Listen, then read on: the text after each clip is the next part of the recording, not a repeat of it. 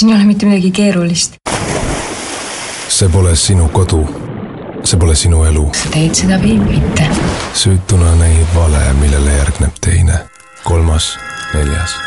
Mirtel Pohla, Priit Võigemast ja teised uues Eesti mängufilmis Teesklejad kinodes üle Eesti kuuendast oktoobrist. Kuku Raadios välja öeldud seisukohad ei pea ühtima Kuku Raadio seisukohtadega. Te kuulate Kuku Raadiot.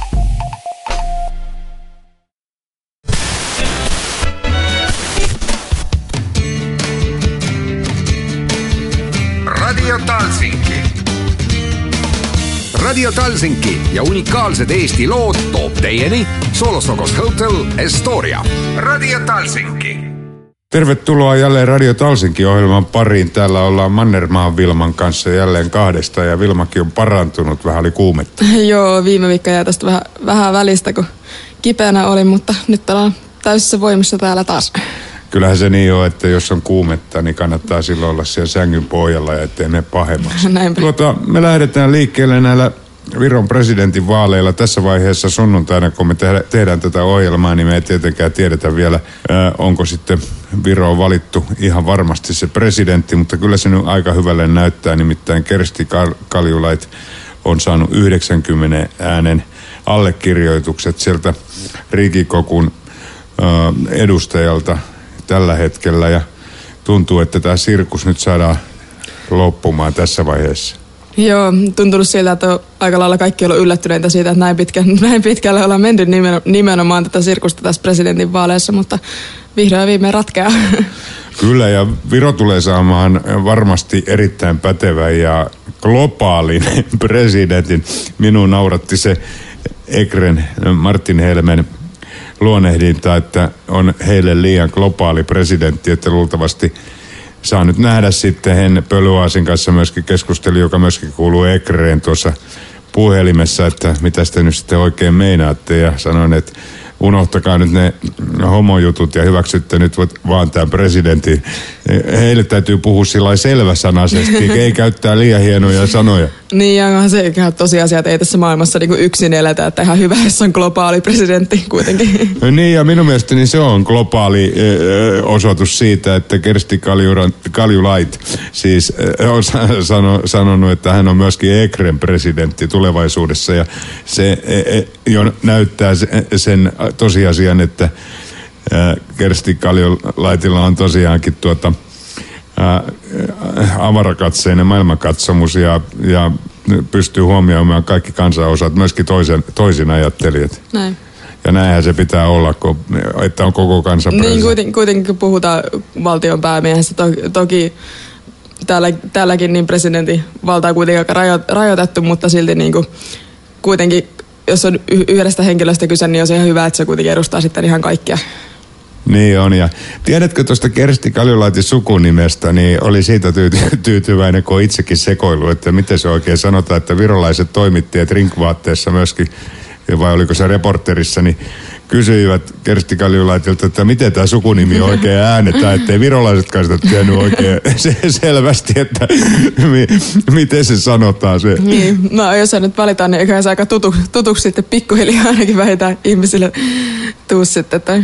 Ky- kyllä, kyllä. Ja, ja tota, nyt täällä sitten on kaiken näköistä tämän presidentinvaalien osalta. Siellä on jo, siellä jo vaikka ei ole ihminen vielä edes astunut virkaan, niin niin käydään debattia keskustelua siitä, että mihin hänen pitäisi tuota, puuttua näissä asioissa, kaiken näköisissä tällä Saaremaa laivalinjoista puhutaan jo ja Jaanus Karilait keskustapuolueesta niin nimitti lehdessä tänään Taavi Roivasta pähkinäaivoksi.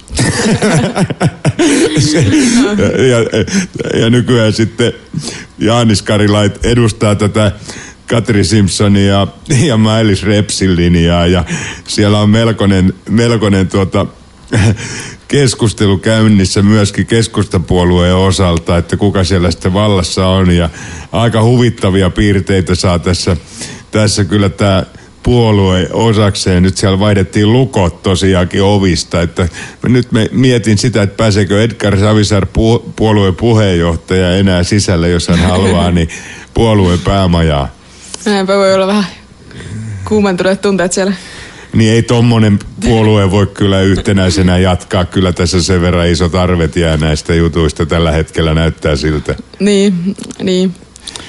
Jos nyt ajattelet, että vaikka meidän pienessä radiossa ei olisi sitten kaikilla avaimia tai jotain muuta, tosin niitä ei nyt kaikilla ole, kun ei niitä kaikki tarvi, mutta sais varmaan, jos, jos tuota haluaisi tulla sisälle, että puolueen, se, puolueen ää, toimisto ei pääsisi esimerkiksi tuota, puheenjohtaja sisään kuin vasta pyytämällä.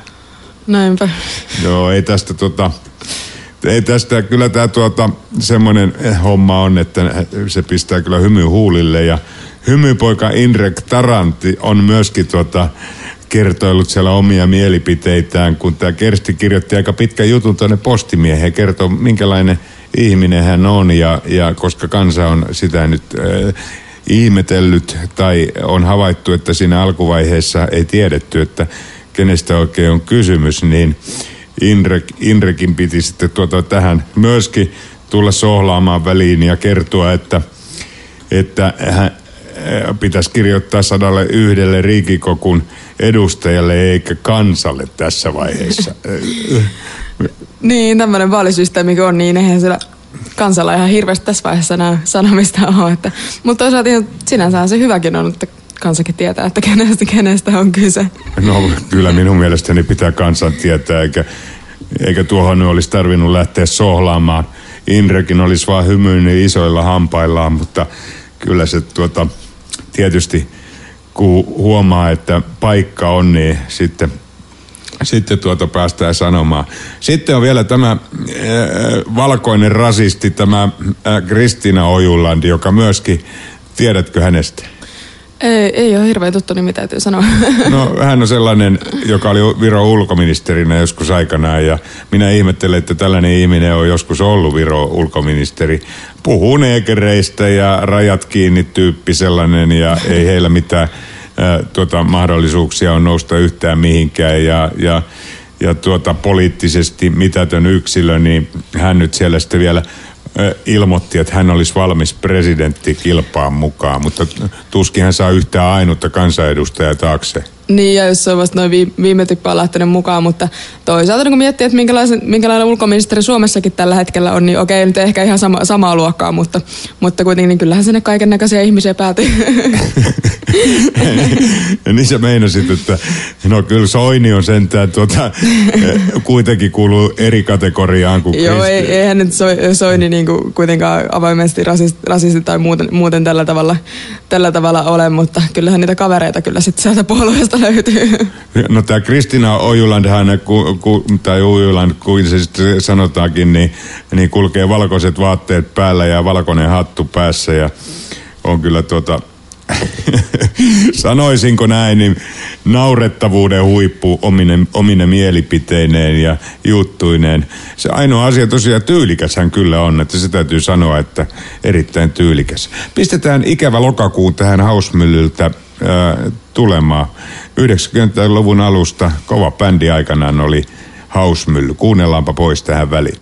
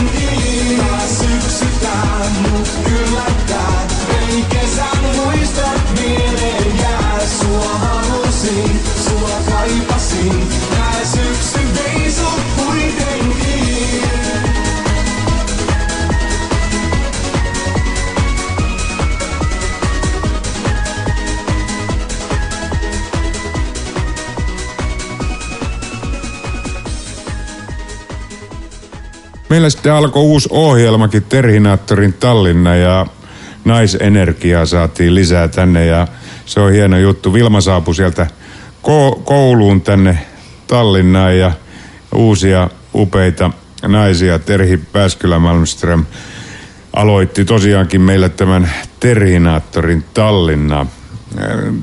Kuinka tärkeää se yleensä on, että molempia sukupuolia on radio-ohjelmissa? Mitä mieltä sä oot? Tuleeko siihen sitten paljon uusia näkemyksiä ja kuunteleeko naiset mieluummin naisia kuin miehiä? Mitä mieltä sä oot, Vilma? No eihän sen, en ole sitä mieltä, että nyt välttämättä on tärkeää, että nyt on tasan puolet ja puolet ja tai tämmöistä mitään kiinteitä, mutta onhan se nyt hyvä olla, hyvä olla eri, erilaisia ihmisiä ja, niin kuin, ja erilaisia näkemyksiä ja myöskin, myöskin, että eihän nyt tietenkään voi sanoa, että kaikilla miehillä on samanlaisia juttuja ja kaikilla naisilla on samanlaisia juttuja, mutta tämmöistä niin kuin erilaista variaatiota niin ihmisissä.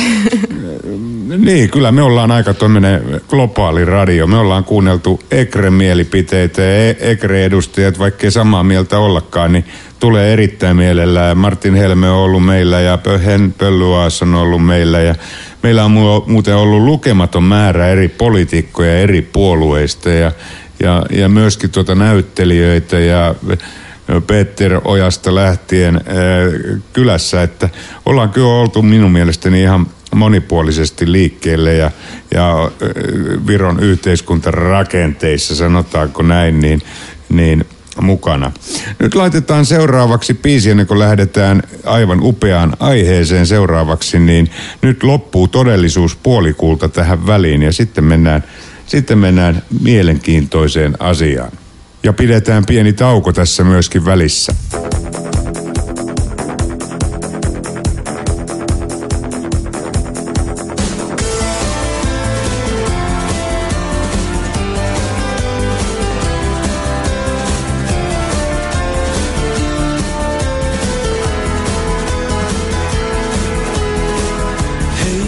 Kuusysi, se on sun nimesi. Sitä hoen kuin mantra, se minussa outoja aikaansaa. Eutanasia. Mä toivon nopeaa, jos sä muitakin katsot, jos muut sua silmillään koskettaa.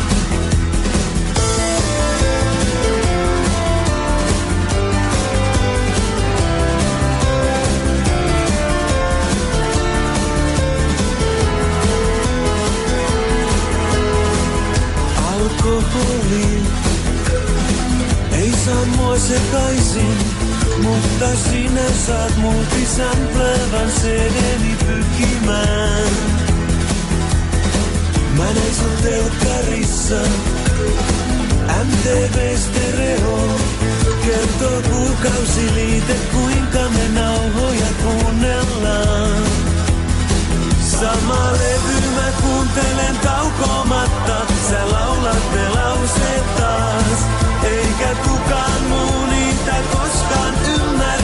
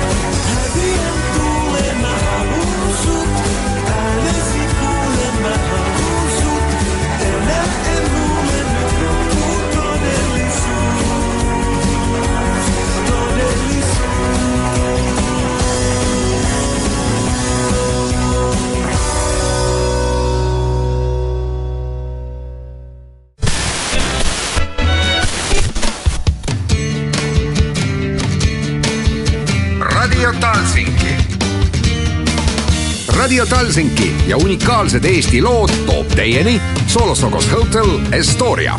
Radio Talsinki.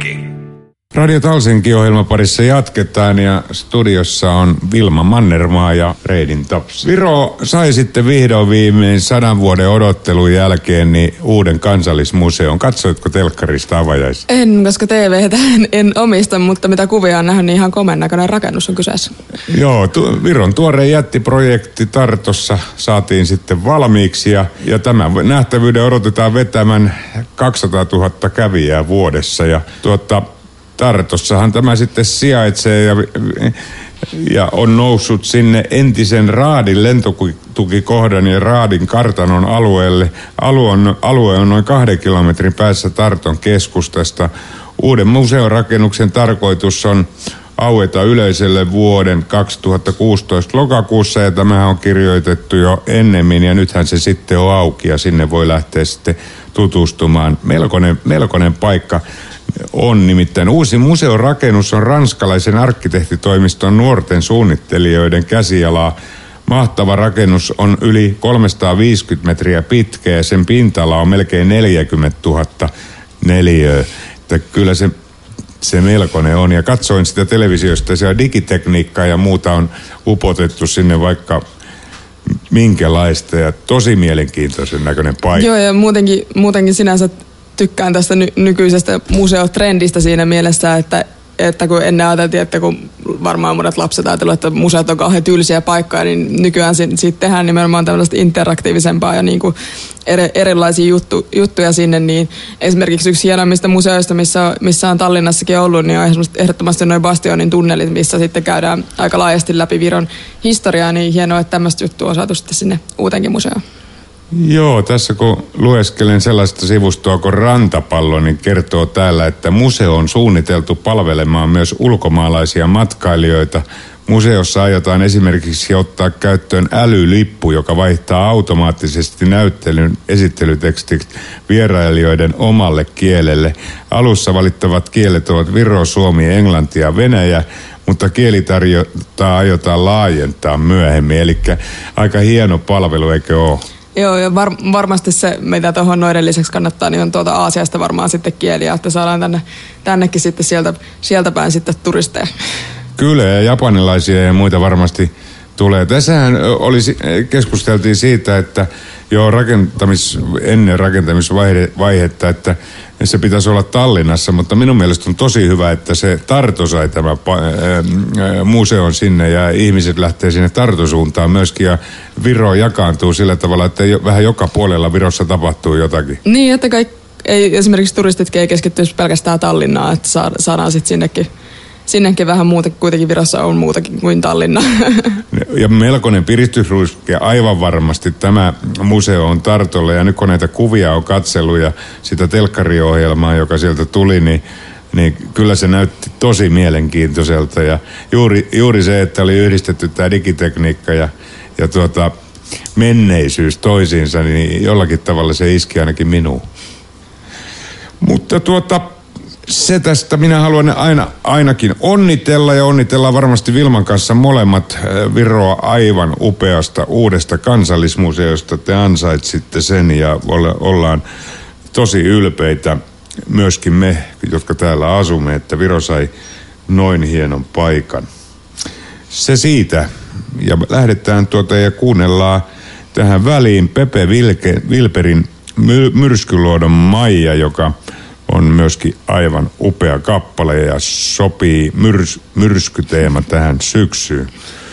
Kuunnellaanpa kappale pois.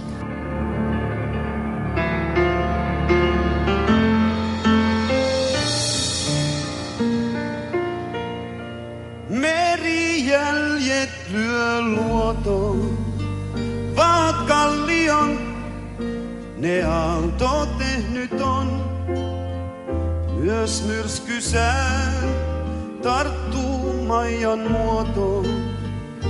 Ja Jannen silmiin leudat tuulet kiinni jää. Meren ankara työ.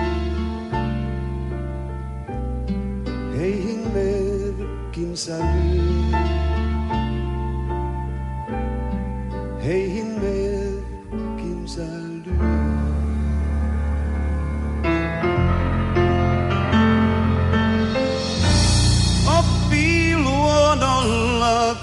Kielen, sanat liikaa ois ja joutaa lauseet pois.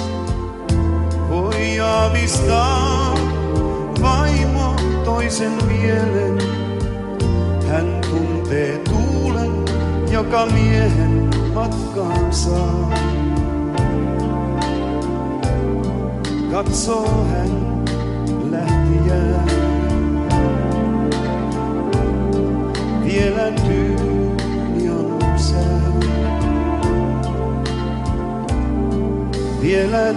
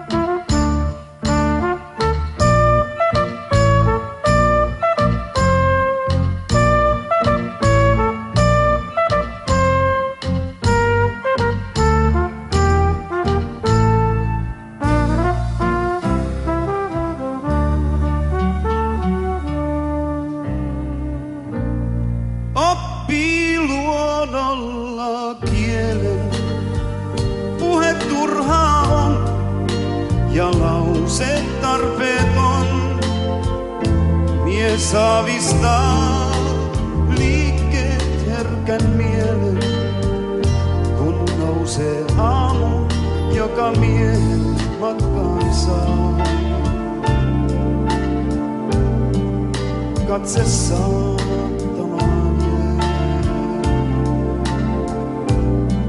Vielä tyyni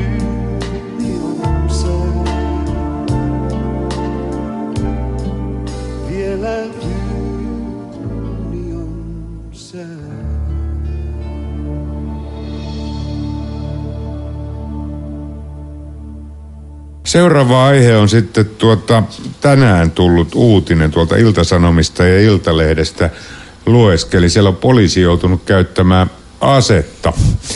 Poliisi ampui valtatie neljällä henkilö kuoli tapahtuman paikalle ja Hämeen poliisi sai tänään kello 12.30 hälytystehtävän ää, valtatie neljälle ja Poliisi on ampunut henkilön nelostiellä Ori-Mattilassa. Alkutietojen mukaan ajoneuvo oli kaahailut ja aiheuttanut vaaratilanteita liikenteessä. Ja poliisi kohtasi ajan, ajoneuvon. Tilanteessa poliisi joutui käyttämään ampuma-asetta ja henkilö kuoli tapahtumapaikalle. Tapahtumapaikka on moottoritie tapahtumien johdosta aiheutui huomattavaa häiriötä viikonlopun paluuliikenteeseen moottoritielle. Tuota, siellä oli tuhansia autoja ollut ää, jumissa. Poliisi käyttää aika vähän asetta Suomessa ja erittäin harkitusti.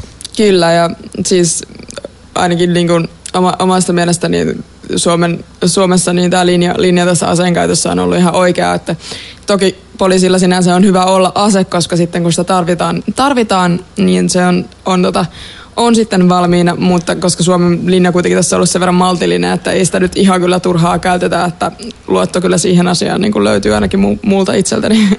Kyllä, ei poliisi ole kyllä räiskinyt sillä aseella tuota, yhtään se enempää ollut ihan pakko. Ja kyllä se on opetettu jo varmasti poliisikoulussa, että minkälaista mm, tuota vastuuta tämä aseen käyttö sitten joka kerta, kun poliisi on joutunut käyttämään asetta, niin se on myöskin tutkittu erittäin tarkkaan sitten jälkeenpäin, että onko sitä käytetty ö, turhaa vai onko tosiaankin ollut semmoinen tilanne, että sitä on ollut pakko käyttää. Joo, ja niin kuin pohjo- ylipäätään Pohjoismaat on, niin kuin, on tässä asiassa oikein, oikein sinänsä edist- edistyksellisiä, että niin kuin näitä tapauksia, muistaakseni Norja on kaikista niin kuin maista semmoinen semmoinen maa, missä käytetään kaikista vähiten, vähiten on tällaisia tapauksia, mutta, mutta kyllä niin kuin Ruot- Ruotsia sekä Suomi siinä rinnalla tulee oikein hyvin. Kyllä.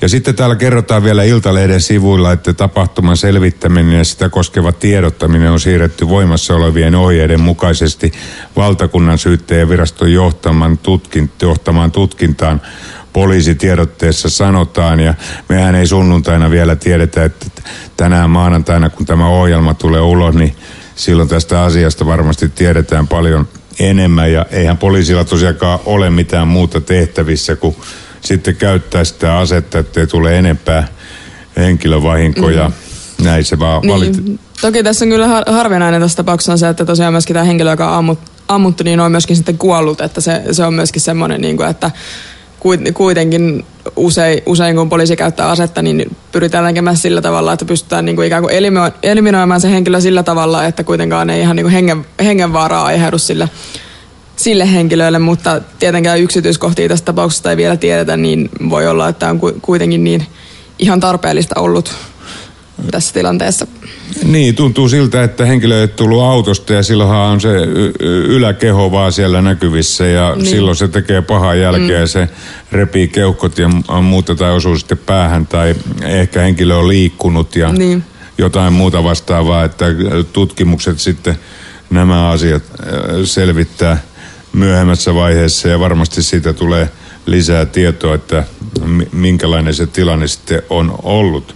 Mutta melko se liikenneruuhka myöskin aiheutti tämä. Joo, kyllä, kyllä varmasti. Niin kuin tässäkin vaiheessa vuotta ihmiset vielä möke, mökeltää tota, matkustaa, niin voi olla kyllä paljon lautoja ollut liike, liikenteessä. Kyllä. Mutta me kuunnellaan tähän väliin äh, musiikkia ja laitetaan Eija Kantolalta seuraava kappale ja syksyisissä musiikkitunnelmissa tässä mennään. Biisin nimi on Sade. Pidetään pieni tauko tässä välissä ja la- palataan sitten jälleen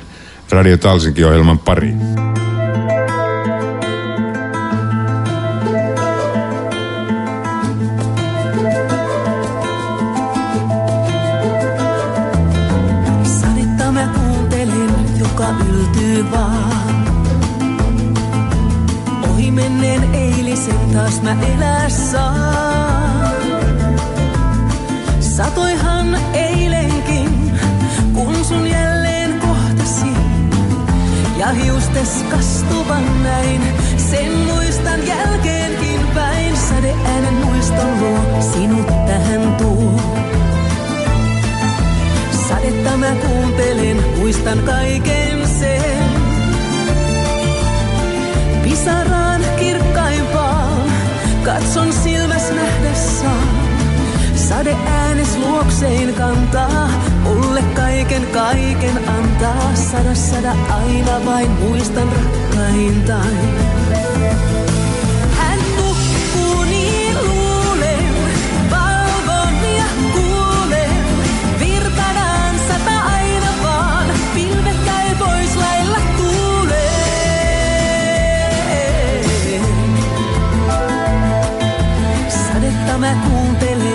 Joka yltyy vaan. Ohi menneen eilisen taas mä elää saan.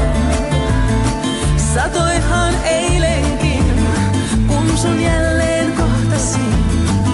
Ja hiustes kastuvan näin, sen muistan jälkeenkin päin. Sade äänen muistan luo, sinut tähän tuo. Sadetta mä kuuntelen,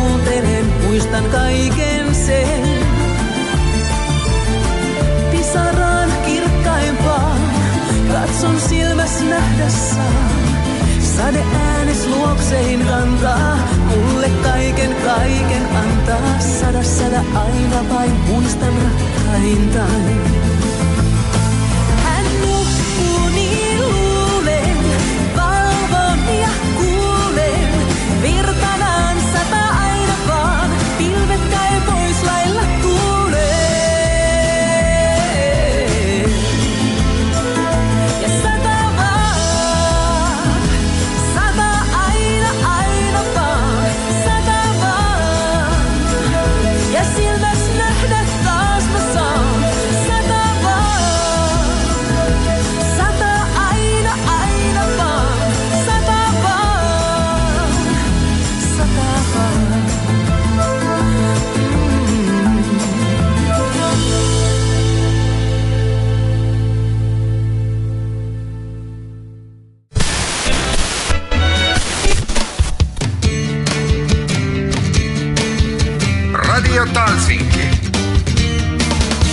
Radio Talsinki ja unikaalsed Eesti lood toob teieni Solostokos Hotel Estoria. Radio Talsinki. Radio Talsinki-ohjelman parissa jatketaan ja Kukkuradion aalloilla ja myöskin SSS-radion aalloilla ja myöskin Radio Finlandian aalloilla, joka tämä... Aalto, aaltoja tässä riittää.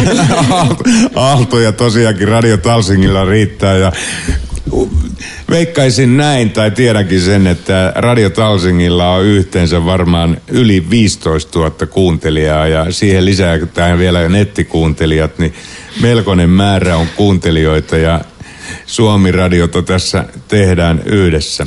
Joo, terveisiä vaan kaikille kuuntelijoille siis. Terveisiä. Tiedätkö, mä katsoin just, että meillä on Zambiassa kuuntelijoita ja Filippiineillä on kuuntelijoita ja, ja myöskin tuolla Vörussa melkoinen määrä on. Mehän mennään näiden radio-ohjelmien tuota, ja muiden mukaan SSS-radion tiimoilta aina kuukausi eteenpäin ja nyt laitettiin sitten taas jälleen meidän hakemus sisään kuukaudeksi ja toivotaan tosiaankin, että Viro myöntäisi meille ihan pidemmät luvat, että ei tarvisi leikkiä näiden... ää, Niin, että ei ra- tar- tarvitsisi joka kuukausi hakea.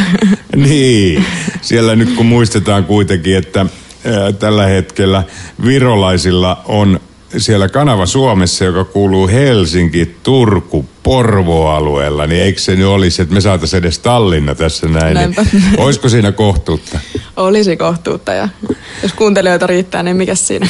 Niin, saa, saataisiin olla. Ja tosiaankin kun lastenohjelmat alkaa vielä Niina Pellin lastenohjelma, joka Niina on ihan tosi upea. Ja sitten alkaa meidän uskonnollinen ohjelma, että kyllä me melko monipuolinen ollaan ja sitten rock-ohjelmaa ja vaikka minkälaista ohjelmaa, niin tuntuu, että ja tekijöitä olisi vaikka kuinka paljon. Ja tiedätkö tänään sitten vielä, ää, minun ajatuksenani on se, että me tehtäisiin kaksikielistä radiota, niin Reinteen Repanen, joka siellä on Dingon kitaristi, niin haluaisi aloittaa sitten sellaisen vinyylimusiikki i- e- vielä. Et kyllä meille tulisi niinku tekijöitä ja näyttää siltä, että tarvetta olisi sitten kaikil, kaikin osin ja sitten vielä ruotsalainen kielinen ohjelma. Tällaista, tällaista. Kuinka paljon, joudutko sä käyttää ruotsia koskaan tuota, Suomessa tai täällä on myöskin kielikeskustelua käyty? Niin, se on, mulla on ehkä vähän tämmöinen, että ruotsia en oikeastaan ikinä, ikinä juurikaan oppi, oppinut itse kielet on aina ollut itselle kovin vaikeeta. Ja, mutta toisaalta ei, eipä, eipä kyllä ole myöskään ihan semmoista tilannetta, tilannetta tuolla pääkaupunkiseudulla tullut vastaan, että ei olisi niinku, tai että ei olisi Suomella pärjännyt, että olisi tarvinnut edes käyttää ruotsia, mutta kyllä mä ymmärrän sen kyllä, että varsinkin jos tuonne Pohjanmaalle ja rannikolle mennään, niin varmasti, varmasti löytyy semmoisiakin kuntia, että ei kyllä pärjää ilman ruotsia. No suututtaako sua sitten se, että joku osaa, osaa suomea? Ei, mun mielestä Suomi on kaksikielinen maa, meillä on kaksi virallista kieltä. Mun mielestä ruotsiin, mulla ei mitään ruotsin kieltä vastaan. Mä, niin kuin, että mä mielelläni itse asiassa mielelläni puhuisin ruotsia kyllä, että ei siinä, siinä mitään. Niin kuin, että, että toki tietenkin varmaan ruotsinkielistenkin elämää voi jossain tilanteessa helpottaa se, että puhuu, puhuu myös suomea, mutta, mutta ei se nyt mikään välttämättömyys ole. Ei munkaan mielestä. Että, ja, tota, ruotsalaiset on aina ollut ja ollaanhan me oltu Ruotsin vallan allakin niin, niin tota Suomessa. Ja ei muakaan ole haitannut yhtään, yhtään sellaiset ihmiset. Ja, sitten kun ne on tajunnut, että ei, ei toi pöllö osaa tota, ruotsia, niin sitten ne on puhunut englantia tai jollakin kielellä huitomalla on sitten pärjätty, jos ei Niin. muuten, että ei mulla ole siinä mielessä. Meillä ei vaan kansalaiskoulussa silloin aikanaan jostakin syystä, meillä ei ollut yhtään ainutta ruotsin tuntia. Mä ihmettelen kyllä, että miksei. Niin, se on, se on hyvä, hyvä kysymys. Ja, tai si- sinänsä musta sitä paitsi ihan vaikka engl- englanti nyt onkin tässä maailmassa semmoinen kieli, mitä, mitä lähe, lähes, kaikkialla, lähes kaikkialla puhutaan, niin onhan se vähän kuitenkin semmoista, tuntuu vähän hassulta, että sitten esimerkiksi, esimerkiksi suomalaiset ja ruotsalaiset niin puhuu keskenään englantia, kun kuitenkaan se ei ole kum, kummankaan ikään kuin semmoinen niin kuin oikea äidinkieli, niin on se vähän hassun tuntusta välillä. Tuo uusi presidenttikandidaatti siis, jota ei ole si- eh, tähän aikaan, kun me tätä ohjelmaa tehty vielä valittu, mutta varmasti on valittu sil- silloin, kun tulee tämä ohjelma ulos. Kersti Kaljulait puhuu siis ranskaa, kertoi kyllä, että hän puhuu murteellisesti ja hänen lapsensa sanoi, että kohuttava, kohuttavalla aksentilla, aksentilla, eli kauhealla aksentilla. Näin siis sanoi hän itse. Ja, ja tuota, mutta hän puhuu englantia sanoi melkein täydellisesti, eh, ettei juuri erota häntä englantilaisesta. Ja, ja tuota, sitten hän puhuu venäjää ja sitten hän kertoi myöskin puhuvan suomea. Ja sanoi, että semmoista suomea, kun on telkkarista oppinut, että kirjavikoja voi olla siellä joukossa, mutta joka tapauksessa, kun edelliseen presidentti Thomas Henrik Ilvekseen, joka oli kielitaidoton Suomen suhteen, niin verrattuna, niin saadaan siis upea pressa. niin, ehkä, ehkä siis sinänsä hienoa tiedä sitten, onko se kieli ihan semmoinen, että sillä voi niinku virallisia asioita, asioita hoitaa. Okei, usein noissa kyllä tapaamissa tulk, tulkit löytyy ainakin vähin, vähintään tai sitten ihan englannilla, mutta, mutta sinänsä ihan hienoa, että on tämmöinen, tämmöinen henkilö, joka puhuu moni, monia kieliä. Niin, ja minun mielestä on hienoa, että puhuu myöskin suomea, ja Taavi Roivashan puhuu erittäin hyvin suomea, myöskin pääministeri. Ja Viro astuu aika nuorekkaaseen aikaan, nyt täytyy sanoa. Äh, oliko nyt äh, Kerstin ikä on 46 vuotta ja pääministeri sitten vielä nuorempi, niin äh, aika hienoja signaaleja annetaan nyt tällä hetkellä ja nuori jengi valtaa siellä alaa ja toivottavasti he saavat rauhassa tehdä, ettei nämä vanhat käymmyt sitten. He sekoilivat jo ihan tarpeeksi näissä presidentin vaalikuvioissa ja, ja tuota, mielenkiintoista tosiaan nähdä, että millä tavalla tämä keskustapuolue tulee hajoamaan. Edgar Savisaare ei anna nimittäin millään periksi. Hän on tämän päivän lehdessä, lueskelin tuossa, niin ilmoitti, että hän ei tule tätä skapaa häviämään. Niin se voi olla, että jos, jos tämmöisestä asiassa niin puolue ei pysty edes niin yhtenä, yhtenäinen olemaan, niin ehkä sitten voi olla aikakin miettiä, että onko tämä nyt sitten kaikille sopi, niin kuin, sopita, sopivatko he kaikki sitten oikeasti samaan puolueeseen niin kuin loppujen lopuksi. No ei, ne, ei tuoreimmin kyllä sovi enää samaan puolueeseen ja sitä paitsi nyt käydään myöskin reformipuolueessa kyllä debattikeskustelua aika voimakkaasti, että kuka sinne sopii, kuka sinne sitten sopii. Se, se on tota, mielenkiintoiset nämä vaalien jälkeiset niin, saa nähdä vuoden päästä, katsotaan, niin kuin, että montako puolueet löytyy, uutta puoluetta löytyy virosta sitten. Kyllä. Ja IRL hän on tosi mielissään, nimittäin eh, Kersti Kaljulait on kuulunut tuota eh, aikana IRLiin, mutta ei ole millään tavalla ollut aktiivijäsen. Ja, ja hän on, Kersti on ollut 14 vuotta Euroopassa nyt hoita, hoitamassa näitä rahoituskuvioita ja siellä jo pyydit, pyydetään, että tutkisi nämä lentoasema, lentoliikenneasiat ja muut, mitä siellä Estonia Airilta osalta tehtiin vähän tappioita eikä niin vähänkään. Ja nyt sitten nämä laivakaupat ja laivakaupoista halusinkin ottaa tuota asiaa vähän esille, nimittäin meidän radiohallituksen jäsen, joka on ollut 40 vuotta laivoissa, niin ihmetteli sitä, että miten tommonen laiva kuin Joonas vuokrataan tuohon välillä, kun hiukan myrskyä, niin se ei pääse yhtään mihinkään suuntaan. Ja, ja kuka, kuka tuota valopää on tehnyt tämmöisen sopimuksen, että kun itsekin olen ollut 14 vuotta laivoilla ja aika pahoillakin linjoilla tuolla tuolla Piskajalla ja muu, muualla seilannut ja sitten kun katso minkälaisen pientä aaltoilua oli, niin Joonas oli satamassa eikä päässyt yhtään mihinkään 20 minuutin matka pitäisi ajaa mantereelta Saarenmaalle ja maksetaan kauheita vuokraa siitä laivasta, niin aika omituiselta tuntuu. Joo, kyllä, kyllä jos kuitenkin, kuitenkin tämmöinen väli, mitä varmasti monien pitää, pitää päästä kulkemaan Saare, Saarenmaalta mantereelle, niin onhan siellä hyvä olla semmoinen luotettava sitten väline, millä liikkuu. Ja niin, ja tästä laivajutusta, tästä Puolasta tilattu laivat ja mistä Turkista tai jostain muusta, niin on annettu ehkä parempi tarjous, mutta sitten ei laskettu sitä ollenkaan, että ei ne millään saa niitä laivoja valmiiksi, että tässä hävitään näissä vuokrauksissa ja kaikissa. Et en tiedä sitten minkälaiset takut on vaadittu siihen, että nämä laivat on. Mutta nyt Viro pääsee aivan kohta kiristämään näillä asioilla.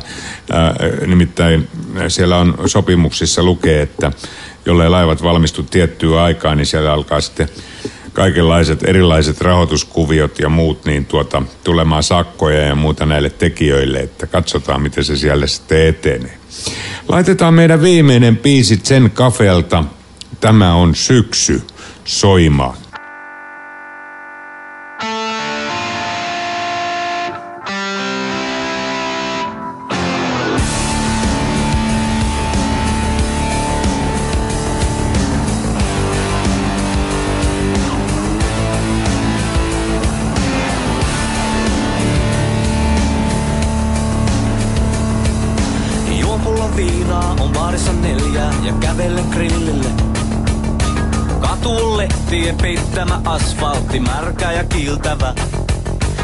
Tämä on syksy, tämä on syksy, tämä on syksy ja nyt.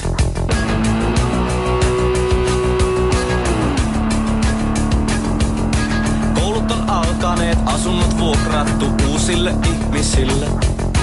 Meidänkin naapuriin kaveri muuttanut kotoa kauhavalta.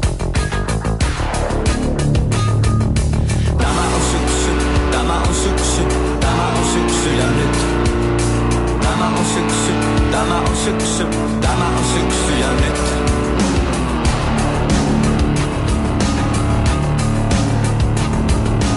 Nojailen puistossa penkkiä vasten, naisia katselle. Nuohan on jurrissa, pitäisi uskaltaa sanoa niille moi. Vaatteista päätellen nekin on koulussa, missähän koulussa.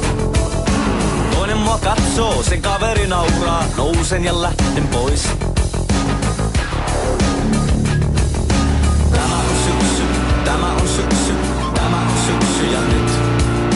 Tämä on syksy, tämä on syksy, tämä on syksy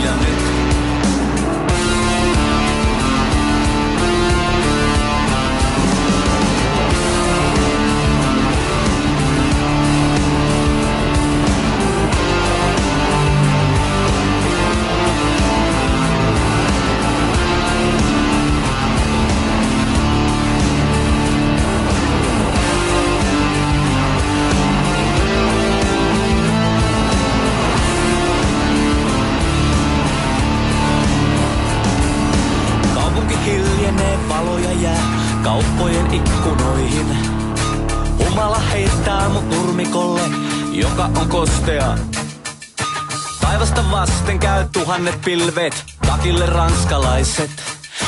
Taivasta vasten käy tummemmat pilvet, halusit taikka et. Tämä on syksy, tämä on syksy, tämä on syksy ja nyt. Tämä on syksy, tämä on syksy, tämä on syksy ja nyt. Tämä on syksy, tämä on syksy, tämä on syksy ja nyt. Tämä on syksy ja nyt.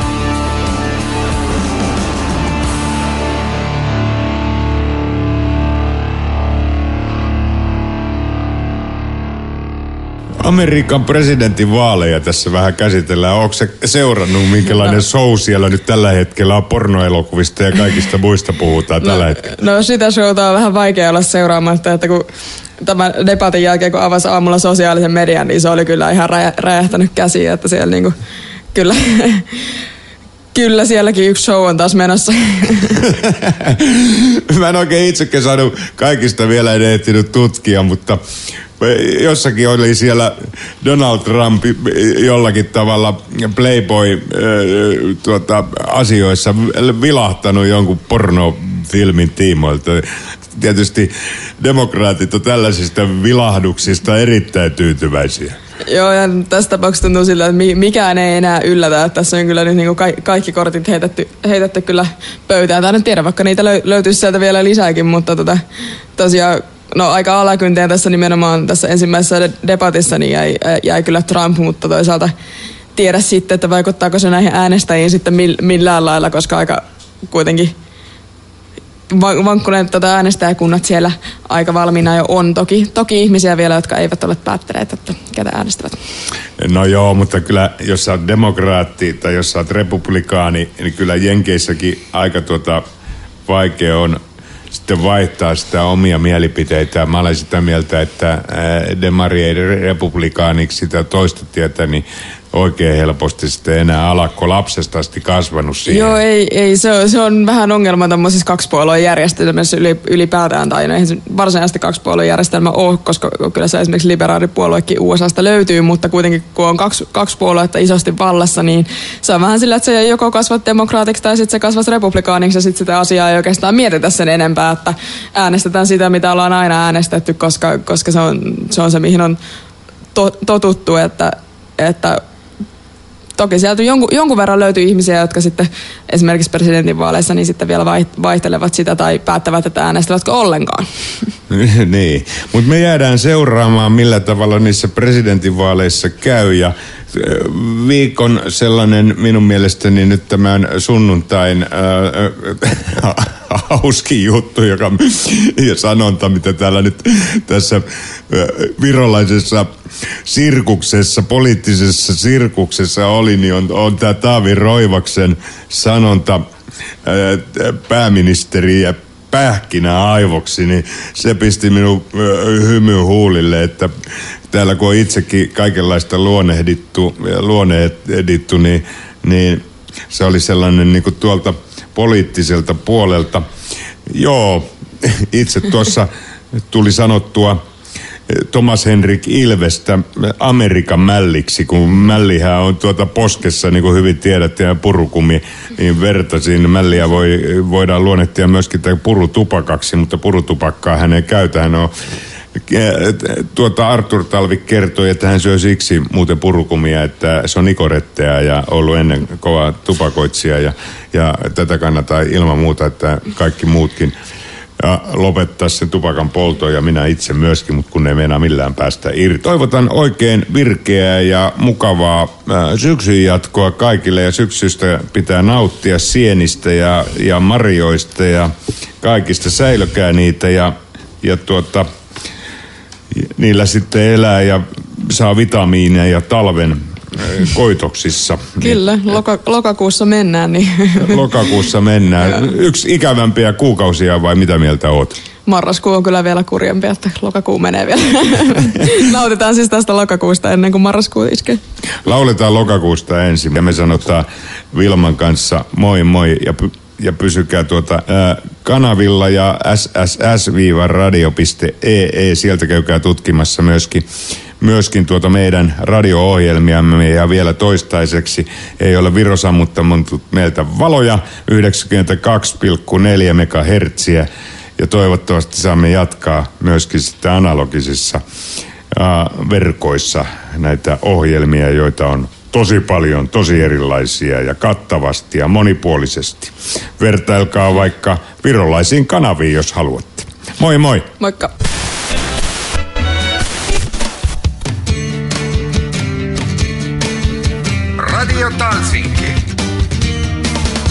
Radio Talsinki ja unikaalsed Eesti lood toob teieni Solosokos Hotel Estoria.